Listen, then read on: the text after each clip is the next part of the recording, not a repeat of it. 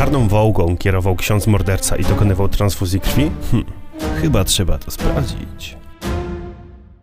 Dzień dobry. Chciałem Was powitać w nowym odcinku na kanale. Ja nazywam się Marcin Zakrzewski, a to są Legendy i Klechdy Polskie. Na samym wstępie chciałem wszystkim podziękować za to, że przekroczyliście barierę 500 subów. Jest mi bardzo miło, bo nastąpiło to w stosunkowo szybkim czasie. Wszystkich tych, którzy są tutaj po raz pierwszy albo jeszcze nie pozostawili po sobie subskrypcji, bardzo chętnie, yy, znaczy bardzo zachęcam do tego, żeby, żeby to zrobili. No ale nie ma co przedłużać. Dzisiejsza forma odcinka będzie nieco odbiegać od tego, co do tej pory można było tutaj zobaczyć. Poopowiadam wam trochę o legendach miejskich, tak zwanych urban legends, które mogliście już kiedyś prawdopodobnie słyszeć. Chcę wam jednak je przedstawić w nieco szerszym kontekście. Przed wami pięć legend miejskich, którymi żyła cała Polska. Grasujący szczur na Śląsku. W czasach komuny zdarzył się w Tarnowskich Górach lub w Katowicach, bo różnie podają źródła, taki wypadek. Pewnego razu matka wiozła w wózku swoje dziecko. Szła na zakupy. Zatrzymała się przed sklepem, wózek postawiła nad kratką kanalizacyjną. No i weszła do środka, pozostawiając dziecko samo. Słyszała, że ono płacze, ale z jakichś powodów nie przerwa zakupu. Płacz i krzyki dziecka nasilały się z każdą sekundą. Po wyjściu ze sklepu nie mogła go uspokoić i odkryła kocyk. Wtedy jej oczom ukazał się ogromny szczur. Kiedy ona kupowała mleko w sklepie, to z kanalizacji wyskoczył szczur, wszedł pod kocyk i poranił jej dziecko. No i teraz tak, wersji jest kilka. W jednej szczur wygryza dziecku w brzuchu ogromną dziurę, doprowadzając do jego wykrwawienia. W innej wersji ciężko je rani, ale lekarze ze szpitala w Katowicach je ratują. Ostatnia, najbardziej atrakcyjna wersja mówi, że szczur zaczyna atakować dziecko, ono płacze, nagle zjawia się milicjant i zastrzela szczura mutanta, ratując małego obywatela Polski przed utratą zdrowia. Która z tych wersji była pierwsza? Szczerze wydaje mi się, że ta ostatnia, ze względu na to, że no, nosi ona jednak taką dosyć propagandową wartość. Czarna Wołga, porywanie dzieci. Czarna Wołga to chyba najbardziej znana legenda miejska. Swego czasu ponoć bali się jej wszyscy. Moja mama na przykład opowiadała mi o tym, że za dzieciaka w ramach motywacji, żeby nie wychodziła z domu, była przypominana jej historia o czarnym samochodzie, który porywa dzieci. No ale o co dokładnie chodziło w tej historii? Otóż legenda głosi, że w latach 60. i 70. tajemnicza limuzyna pełzała po ulicach Warszawy. Samochód był sowiecką Wołgą, która w tamtym czasie była popularna wśród komunistycznej elity. Felgi samochodu były białe, a okna przyozdobione białymi zasłonkami.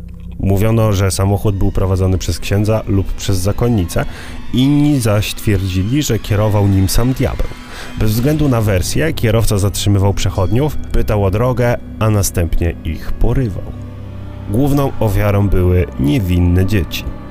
Rozszerzona wersja legendy mówi, że w samochodzie znajdowała się stacja do pełnej transfuzji krwi, która miała być pobierana w celu wyleczenia pacjentów z białaczką. Historia jest kompletnie nieprawdziwa ale wywodzi się z prawdziwego wydarzenia. 3 kwietnia 1965 roku w Warszawie dwie kobiety porwały trzyletnią dziewczynkę. Wieść o tym natychmiast rozeszła się po całej Polsce i ostatecznie, dzięki informacjom od świadków, policja bardzo szybko wytropiła, wytropiła przestępczynię i zwróciła dziewczynkę rodzinie. W trakcie śledztwa jeden z domniemanych świadków zeznał, że widział dwóch przestępców, którzy wsiadali z dzieckiem do taksówki Wołgi. To szybko bardzo podchwyciła lokalna prasa i w ten oto sposób powstała ta historia. Misja na Marsa legenda każdego akademika.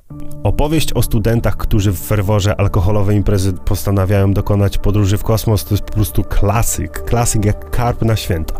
Mam wrażenie, że to jest najbardziej spójna legenda, o której można usłyszeć. Zmienia się w zasadzie w niej tylko jedno, czyli lokalizacja akademika. Opowieść mówi, że podczas jednego z grubych melanży w jednym z akademików, i tutaj sobie możecie dodać dowolną nazwę akademik, akademika w Polsce, studenci wpadli na pomysł misji na Marsa. Przygotowali karton, który miał być imitacją statku kosmicznego, napisali na nim misja na Marsa, a następnie wypchali go wraz z bagażem ludzkim. I tutaj jest kilka wersji. Jest to balkon, dach, 6, 7, 8, 9, 10, 11, 12 piętro, w każdym razie najwyższe, yy, jakie było. Houston, mamy problem, kosmonauta ginie na miejscu, więc co robi NASA z turystyki i rekreacji? Powtarza cały proces, ale tym razem na kartonie wrzuca napis misja ratunkowa. No i w ten oto sposób mamy dwa trupy. Nie ma absolutnie ani jednego źródła potwierdzającego tę historię, ale obawiam się, że jeżeli ktoś był w stanie ją wymyślić, to niestety też znalazłby się ktoś, kto mógłby chcieć ją wykonać. Także czekamy. Grasująca puma. Kto puma? Okres aktywności październik 2008, marzec do lipiec 2009, lipiec 2010. Cechy szczególne, no taki kot, ale trochę większy, miejsce występowania cała Polska. Wszystko zaczęło się jesienią 2008 roku, kiedy mieszkaniec podkrakowskiej wsi Jeziorzany dostrzegł w lesie zwierzę przypominające młodą lwicę lub pumę. Zakrojony na szeroką skalę poszukiwania był użyty m.in. helikopter, który e, kosztował ponad 50 tysięcy, znaczy jego działania kosztowały 50 tysięcy. Zakończyło się to wszystko niestety niepowodzeniem. Na przełomie zimy i wiosny 2009 roku Puma uderzyła ze zdwojoną siłą i widziano ją w wielu zakątkach kraju. Teraz możecie zobaczyć, jakie piruety potrafiła robić ta Puma. Od Szczecinka przez Kornelin pod Warszawą do Zamościa, no generalnie lubiła sobie podróżować. Pumę widywano niejednokrotnie w kilku miejscach naraz. To generowało nowe informacje prasowe, co powodowało, że ludzie tak naprawdę w byle koć widzieli groźnego drapieżnika. 4 sierpnia 2009 w dzienniku Polska pojawiła się łamiąca wiadomość. Nie ma już tajemniczego kota, który wiosną w różnych częściach kraju zagryzał duże leśne zwierzęta i wzbudzał popłoch, podchodząc pod płoty gospodarstw. Jak ustaliliśmy, wyśmiewane przez niektórych pumy naprawdę istniały. Uciekły z nielegalnej hodowli w Czechach, a w Polsce zostały zastrzelone w wielkiej tajemnicy. To uśpiło czujność Polaków. 21 lipca 2010, kiedy to w powiecie złotowskim znowu widziano kota, skończyło się jednak tylko na jednym wpisie w Głosie Wielkopolskim. Dwa lata.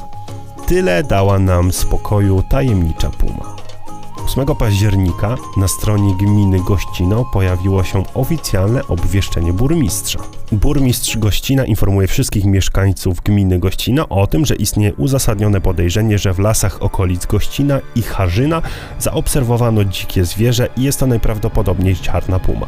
Z uwagi na zagrożenie zdrowia i życia mieszkańców naszej gminy uprasza się o zachowanie szczególnej ostrożności w przypadkach korzystania z lasów oraz ścieżek rowerowych na terenie gminy Gościno. Mimo poszukiwań z udziałem policjantów, myśliwych i leśników nie udało się odnaleźć zwierzęcia. Gdzieś tam jeszcze w międzyczasie pumę widziano, ale ludzie już byli tak zmęczeni tym tematem, że nikt tego nie podchwycił i temat w jakiś tajemniczy sposób umarł. Podwójna kradzież, czyli skradziony rower wraca do właściciela. No i to jest ta opowieść w dzisiejszym zestawieniu, którą ja sam niedawno opowiadałem jednemu, jednemu gościowi w serwisie rowerowym jako historia sąsiadów, kolegi mojego kolegi, która się wydarzyła. I teraz jest mi trochę wstyd, bo wygląda na to, że zostałem sprankowany.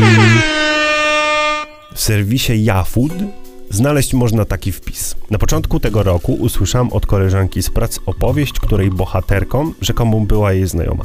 Historia miała się wydarzyć w Poznaniu w ubiegłym roku. Otóż owa znajoma pewnego razu zostawiła rower między drzwiami od domofonu, a wewnętrznymi drzwiami prowadzącymi na klatkę schodową. Niestety rower ukradziono. Jakie było zdziwienie bohaterki opowieści, gdy dwa, trzy dni później rower został odstawiony z powrotem. Do roweru przyczepiona była kartka z przeprosinami. Ktoś tłumaczył się, dlaczego pożyczył sobie rower, chodziło o jakieś nagłe wydarzenie życiowe, jakoś zadośćuczynienie załączono dwa bilety do kina. Uradowana znajoma koleżanki skorzystała z biletów. Gdy wróciła z kina, została swoje mieszkanie zupełnie opróżnione. Złodzieje, wiedząc o nieobecności właścicielki, spokojnie wynieśli wszystko z mieszkania. Eee, słyszałem identyczną historię od mojego znajomego, z jedną zmianą tylko, mianowicie akcja działa się w Katowicach. Prawdopodobna geneza tej historii w polskim internecie to paradokument Dlaczego ja? Identyczna historia pojawia się tam w 41 odcinku. Scenarzyści zaś mogli inspirować się artykułem z życia Warszawy z 2005 roku, który mówił: Przed laty w Warszawie ukradziono nowe auto średniej klasy. Minęło kilka dni i pojazd znalazł się przed domem właściciela. Zatankowany z kartką w środku. Przepraszam, musiałem pożyczyć samochód w pilnej sprawie. Do kartki dołączone były dwa bilety do teatru dla okradzionego i jego małżonki. Zadowoleni właściciele auta wybrali się na przedstawienie. Gdy wrócili, okazało się, że złodzieje dokładnie okradli ich mieszkanie. Wprawdzie tutaj chodziło o samochód, ale, a nie, nie o rower, ale no jakby historia jest praktycznie taka sama. Swoją drogą, podczas przygotowywania się do dzisiejszego materiału poznałem ciekawe hasło, a mianowicie FOAF, czyli z angielskiego, znaczy rozwinięcie tego po angielsku, tak brzmi, czyli Friend of a Friend, znajomy znajomego. Akronim używany w slangu internetowym oznaczający niezweryfikowaną, prawdopodobnie nieprawdziwą historię, określenie znajomy znajomego wywodzi się od powiedzenia znajomy mojego znajomego powiedział. Dodawanie tego hasła ma niejako uwiarygodnić opowiadaną historię i zrzucić z nas odpowiedzialność, gdyby ta jednak okazała się kłamstwem. W dzisiejszym odcinku to już wszystko. Serdecznie dziękuję za wytrwanie do końca. Mam nadzieję, że taka forma Wam się podobała, że znacie jakieś legendy miejskie ze swojej okolicy i że się podzielicie nimi ze mną, ponieważ chciałem jeszcze nagrać kilka takich odcinków, bo mega się przy tym dobrze bawiłem znam tę historię, ale na przykład nie miałem świadomości tego, że e, za czarną wołgą stoi taka, a nie inna geneza. Po prostu jakby wyszedłem z założenia, że powstała ta historia i ona jest i w sumie nie ma co tego za bardzo rozkminiać, a okazuje się, że gdzieś tam ona ma swoje podłoże i z czegoś ona wynikała. Więc chętnie poznam więcej takich historii, znajdę ich e, genezę i przedstawię wam w kolejnych odcinkach. Ci, którzy pamiętajcie, ci, którzy jeszcze nie dali suba, bardzo bym prosił, aby on się pojawił, ponieważ daje mi to bardzo dużo rado radochy, a też dzięki temu e, algorytm YouTube'a traktuje mnie nieco łaskawiej. Trzymajcie się, dziękuję Wam bardzo i widzimy się za tydzień.